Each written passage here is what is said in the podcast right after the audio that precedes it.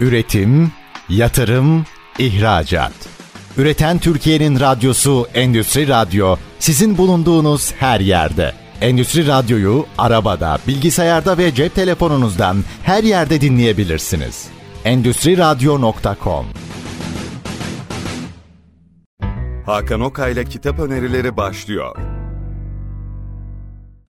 Merhaba, ben Hakan Okay. Yeni bir kitap önerisi programında yine karşınızdayım. Bugün elimde Yeni Neslin Rotası, Aile Şirketlerinde Dönüşümün Öncüleri isimli çok güzel bir eser var. Kitabı Metin Can kaleme almış. Peki Metin Can kimdir? Platin dergisinde 2002 yılında ekonomi gazeteciliğine başlayan Metin Can, referans, hürriyet, ekonomist, Habertürk, Sabah, National Geographic gibi yayınlarda röportajlar gerçekleştirmiş, ekonomi editörlüğü yapmış ve bu süreçte ekonomi basınında en fazla ödüle layık görülen gazeteci ünvanını almış. Şimdi bu kadar gazetecilik, söyleşi, röportaj ve birçok konunun yanı sıra kendisinin bir de bir akademisyenlik tarafı da var aynı zamanda. Çünkü bir kere bir sosyolog kendisi uzun yıllar akademik alanda da çalışmalar yapmış. İstanbul Ticaret Üniversitesi'nde ve Bahçeşehir Üniversitesi'nde küresel siyaset ve ekonomi üzerine lisans ve yüksek lisans eğitimlerini almış. Aynı üniversitede de girişimcilik alanında dersler vermiş. Dolayısıyla yayınlanmış 3 de kitabı var. Dolayısıyla bu değerli yazarımız aynı zamanda da bize günün içinden, hayatın içinden özellikle girişimcilerden harika örnekler vermiş. Şimdi baktığımız zaman e, neden bu önemli? Çünkü bu kitap e, bugün hepimiz biliyoruz ki işte birinci nesil e, bir şirketi kuruyor İkinci nesil bunu devam ettiriyor. Üçüncü nesil de bunu sürdürmeye çalışıyor ve daha büyütmeye çalışıyor. Tabi buna başarılı olanlar var, başarılı olamayanlar var. Bütün dünyada çok çeşitli örnekleri var.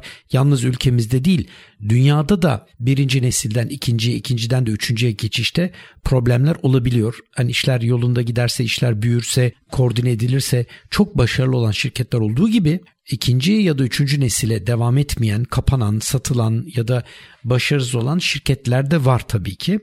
Dolayısıyla e, bu aslında özellikle aile şirketleri için ya da aile şirketlerinde çalışan aile bireyleri için gerçekten böyle bir fikir açıcı bir kitap olarak değerlendirebilirim bu eseri.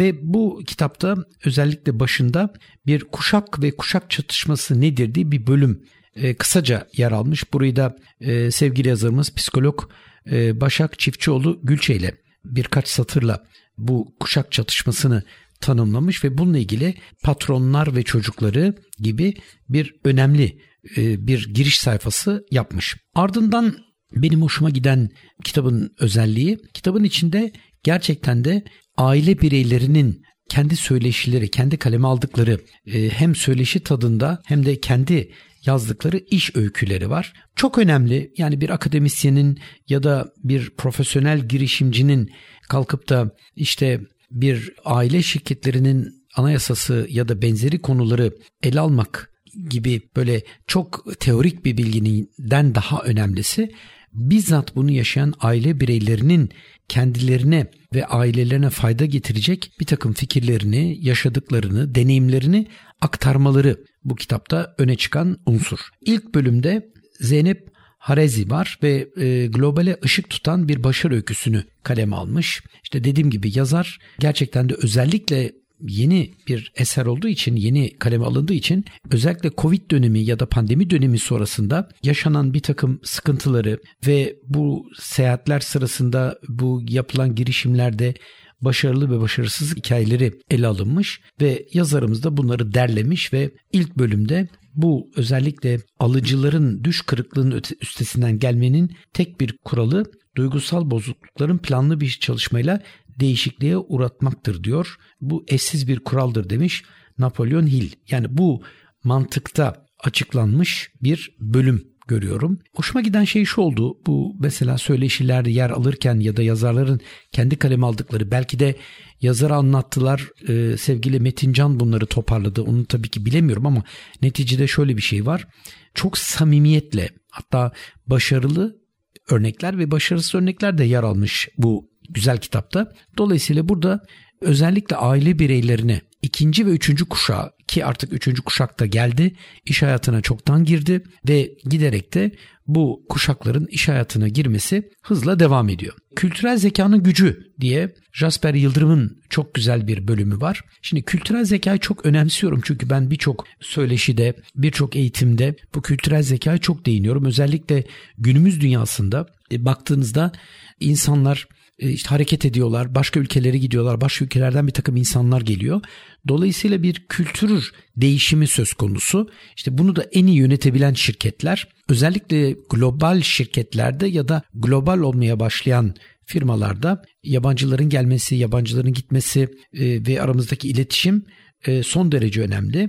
Şimdi Jasper Sinan Yıldırım özellikle çok ciddi olarak incelenmesi gereken bir bölüm yazmış. Çünkü bu arkadaşımız 1994 doğumlu ve üniversite öğretiminin büyük bir kısmını Amerika'da tamamlayıp daha sonra Türkiye'ye gelip e, ve burada aile işletmesine Yıldırım Holding'e dönmüş. Şimdi burada tabii bunu niye söylüyorum? Çünkü bu kültürü yurt dışında edinmiş ama Türkiye'de faaliyetini gösteren bir şirkette hala iş hayatını sürdürüyor.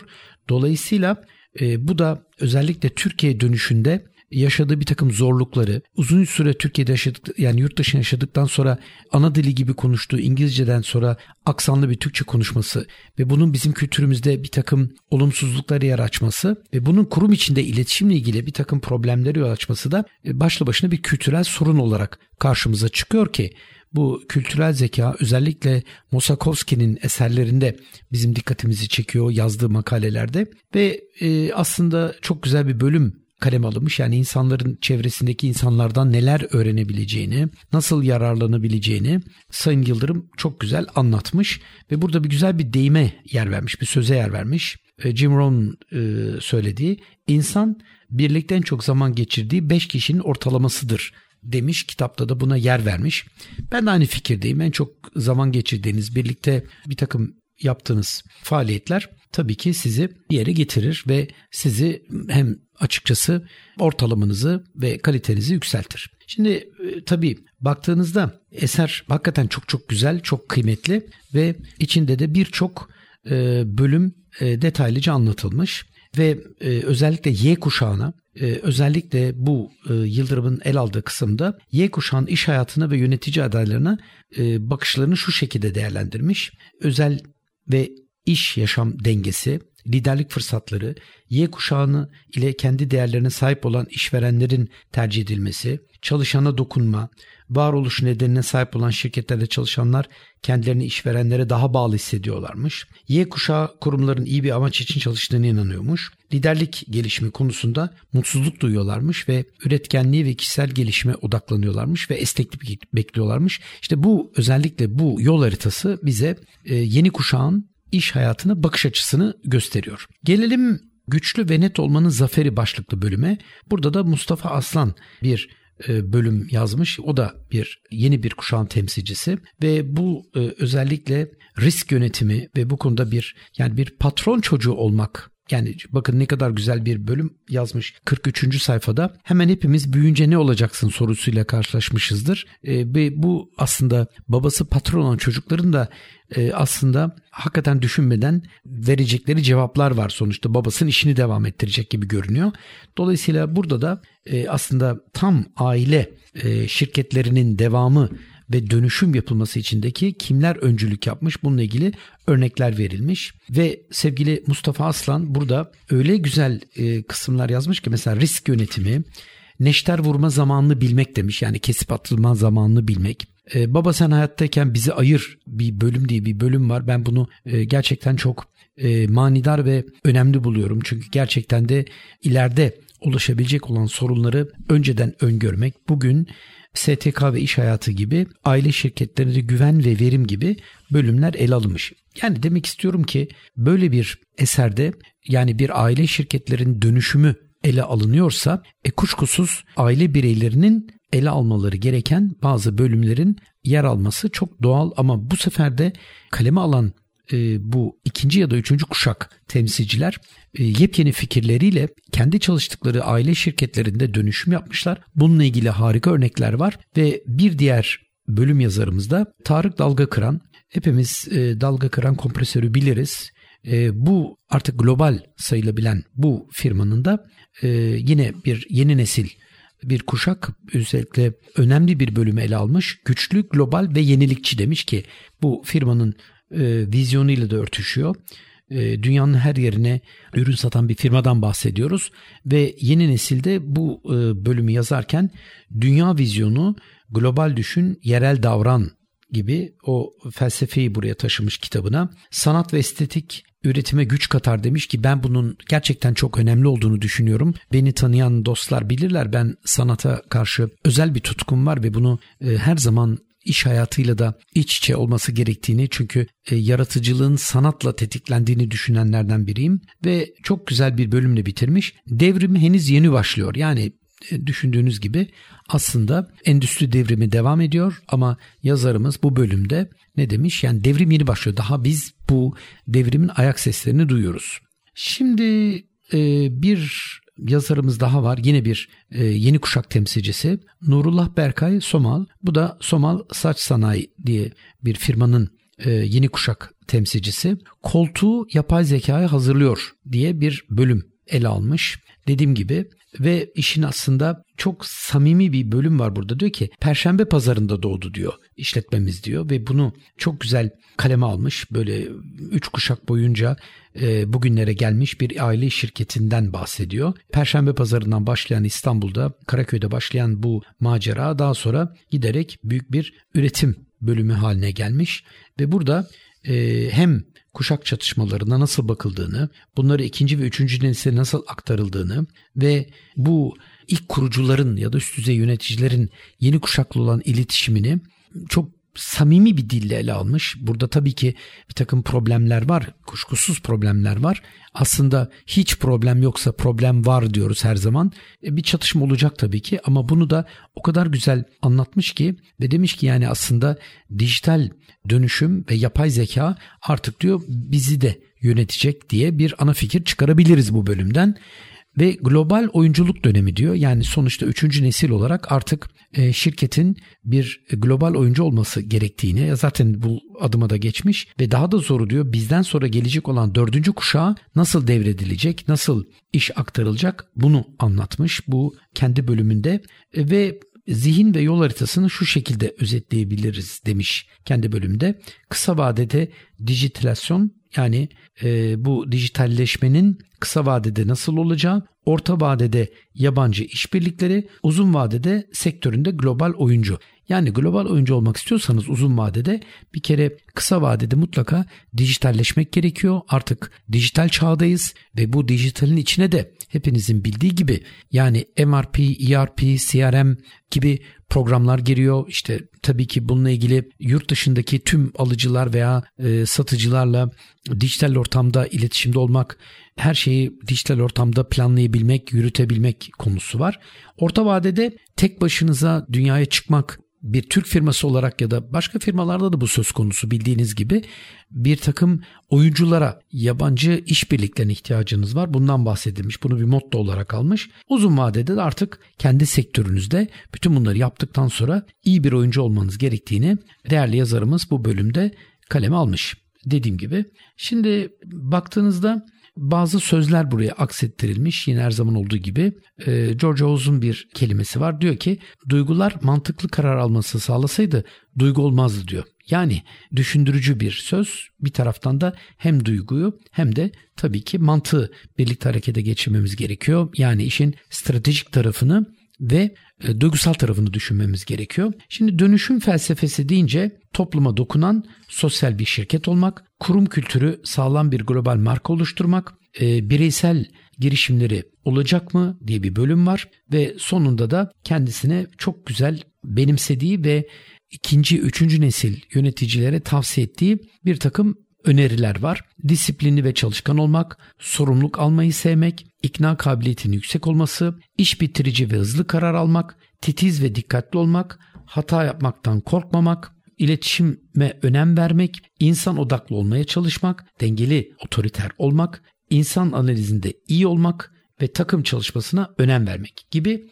hem kendi benimsediği hem de okuyuculara önerdiği bir takım e, reçeteler var. Gelelim son bölüme. Bu sefer de Arfesan'dan Ayşe Arkan yazmış. Merak İyimserlik Gayret diye bir bölüm. Dediğim gibi kitabın en güzel tarafı aslında bizzat elini taşın altına koymuş bizzat sektörlerde çalışan, aile şirketlerinde halihazırda görev yapan ve aile şirketlerinde dönüşümü başlatan bireylerin kaleme aldığı yani daha doğrusu sevgili yazarımız Metin Can'ın editörlüğünde tabii kendi yazdığı bazı bölümler var. E, bu değerli ikinci, üçüncü kuşak yöneticiler kendi deneyimlerini aktarmışlar. Bu çok önemli bir şey çünkü e, dediğim gibi e, bizzat yaşadıkları e, sorunları, kolaylıkları, kolaylık olduğu kadar yaşadıkları, tıkandıkları noktaları kaleme almışlar ve o kadar içten yazılmış ki yani gerçekten bir hatıra defteri tadında yazılan bölümler ve dolayısıyla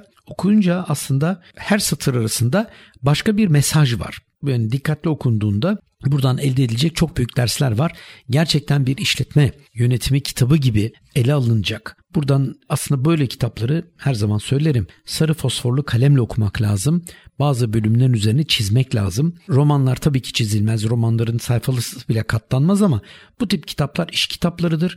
Bunları böyle dediğim gibi çizmek, karalamak, e, bazı bölümleri daire içine almak e, veya işte bir takım stickerlar yapıştırarak ya da bantlar yapıştırarak bir takım yerleri tekrar tekrar gözden geçirmek gerekir diye düşünüyorum. Dolayısıyla bu son bölümde bu kez sevgili yazarımız Ayşe Arkan bu bölümü yazarken bu sefer toplum 5.0'ı gündeme almış. Çünkü artık toplum insanların yapamadıklarını yapacak bir devrim olacak diyor Japonlara göre.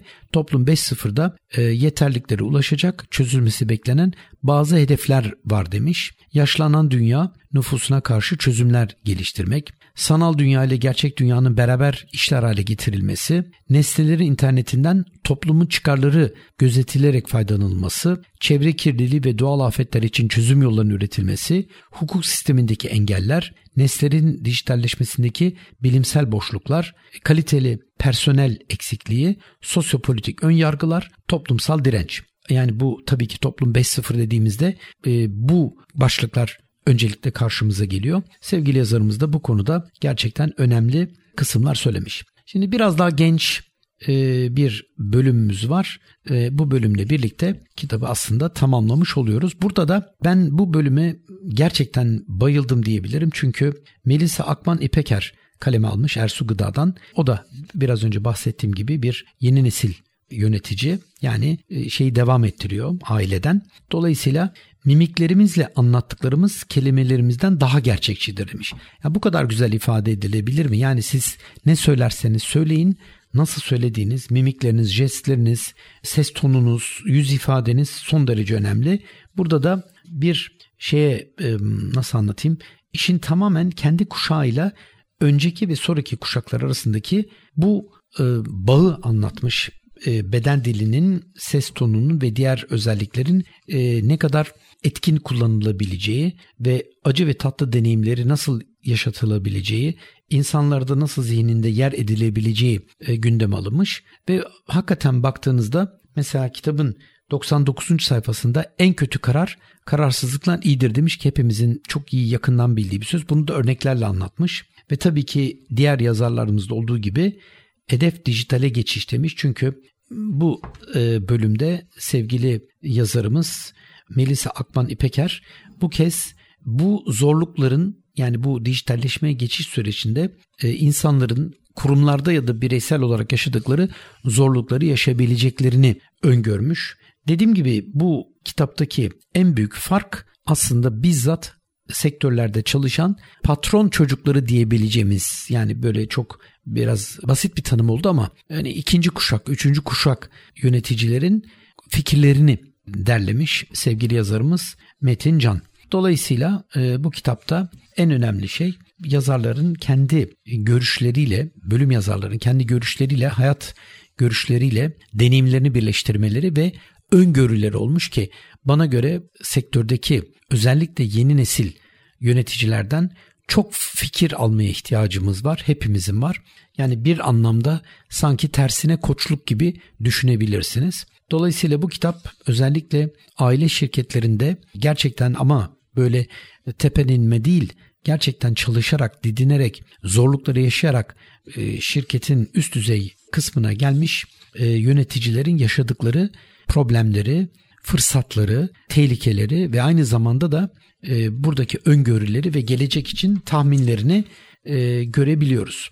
Şimdi bir son bölümde ise sevgili yazarımız e, Metin Can toparlamış ve bir takım fikirlerle kitabı tamamlamış. Bence zaten böyle bir bölüme ihtiyaç vardı. Bu kadar bölüm yazarından sonra kuşkusuz e, bir şey gerekiyordu. Toparlayıcı bir bölüm gerekiyordu. E, mesela işte Türk aile şirketlerinin yapısı, e, bununla ilgili özellikleri ve bununla ilgili yaşanabilen problemler, yaşanabilecek problemleri ele almış. Ama birkaç öneriyle de kitabı tamamlamış. Dilerseniz bu önerileri ben size sunmak isterim. Kitabın da son sayfaları dijital bir stratejiniz olsun. Yani dijital stratejiniz olsun derken yani dijitalleşmede nasıl yol alacaksınız, nasıl ilerleyeceksiniz? Artık dünya böyle gidiyor. Buna e, kayıtsız kalmanız mümkün değil. Bununla ilgili bir planınızın olmalı ve bu planı da belli bir zamana yaymalı ve kimin nerede ne şekilde görev alacağını da şimdiden belirlemelisiniz demiş özellikle aile şirketleri için. Büyük fotoğrafı görmek şart. Evet doğru.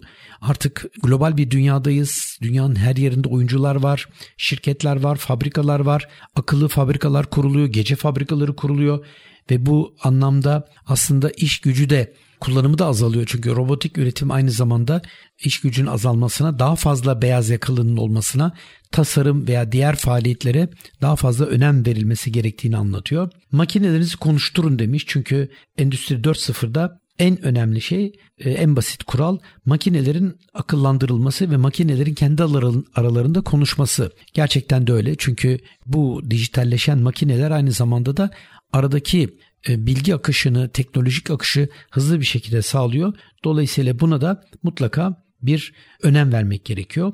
Uçtan uca çözüm diye bir tavsiye daha var. E, bence de doğru çünkü bildiğiniz gibi tedarik zincirinden başlayan son kullanıcıya kadar, son bölüme kadar olan kısmı mutlak surette e, birbirine entegre etmek gerekiyor, bağlamak gerekiyor. Çünkü belli bir bölümde yaşanacak bir aksilik tahmin edeceğiniz üzere diğer e, bölümleri de etkileyecektir. Toplam kalitede bir sorun olacaktır. Dolayısıyla olayı bir bütüncül olarak görmek, holistik bakmak önemlidir. Yine bu bölümde bununla ilgili e, çok güzel e, cümleler var. Ben kitabı öneriyorum ve okuyucuların da bu bölüme dikkat etmelerini öneriyorum ve son olarak da hızınızı arttırın demiş. E tabii ki artık hız çağındayız. Hız olunca hizmetlerinde hızlı olması, müşteriye hızlı ulaşmak, e, gelecek olan sorunlara hızlı çözüm üretmekte kaçınılmaz oluyor.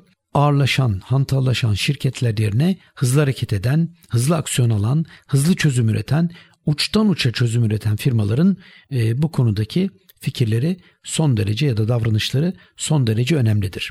Değerli dinleyicilerim, bugün elimde Yeni Neslin Rotası Aile Şirketlerinde Dönüşümün Öncüleri isimli Metin Can'ın kaleme aldığı ama Metin Can'dan öte aslında sektörde ikinci, üçüncü kuşak olarak nitelendirebileceğimiz yöneticilerin kendi fikirlerini kaleme aldıkları ve bunları da Metin Can yine tamamladığı, hepsini birleştirdiği son bölüm olan son sözle birlikte bunları tamamlamış. Kimler kitapta yer almış? Ee, bunları bir daha bir hatırlatmak isterim. Ee, Zeynep Harezi, Jahper Yıldırım, Mustafa Aslan, Tarık Dalgakıran, Nurullah Berkay Somal, Ayşe Arkan ve Melisa Akman İpeker kendi fikirlerini, deneyimlerini bu ince fakat el kitabı niteliğindeki bu kitabı aktarmışlar. Bence açıkçası bir yol haritası olmuş. Herkes de bu kitabı mutlaka e, bir edinmeli diye düşünüyorum. Özellikle de e, yeni girişimciler, aile şirketleri, aile şirketlerindeki ikinci ve üçüncü kuşaklar son derece önemli. Geleceğin liderleri için yeni neslin nasıl yol aldığı, nasıl rotalarını çizdiğini bu kitapta öğrenebiliriz. Beni dinlediğiniz için çok teşekkür ederim. E, herkese başarılar ve mutluluklar dilerim. Başka bir kitap önerisi programında buluşmak dileğiyle. Hoşçakalın.